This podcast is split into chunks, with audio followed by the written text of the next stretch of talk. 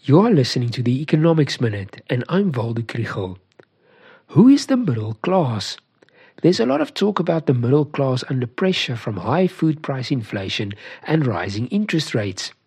If the economy grows, more people can escape poverty and become part of the middle class.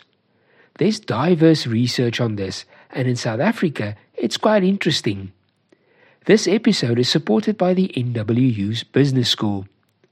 The middle class is not the guy with a house in the suburbs, two cars in the garage, and a holiday in the Southern Cape.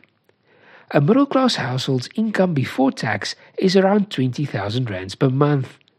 According to Statistics South Africa, the average salary in the formal sector is around 25,000 rands per month.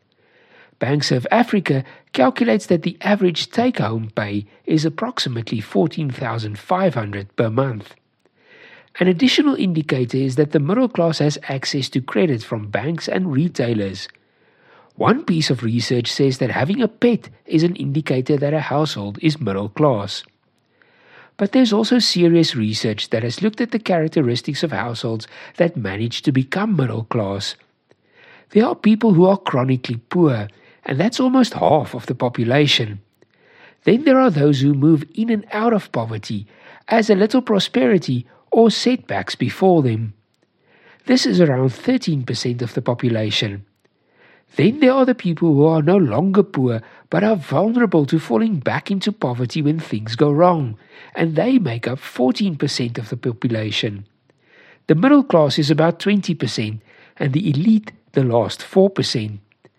The most important predictors of whether a household can escape poverty are if there are two working adults in the household if the head of the household is a man over the age of 40 years, who has completed high school, has a permanent job, and lives in an urban area of Gauteng. If the profile doesn't look like this, the chance of escaping poverty is smaller. In South Africa, we have too few households that look like this.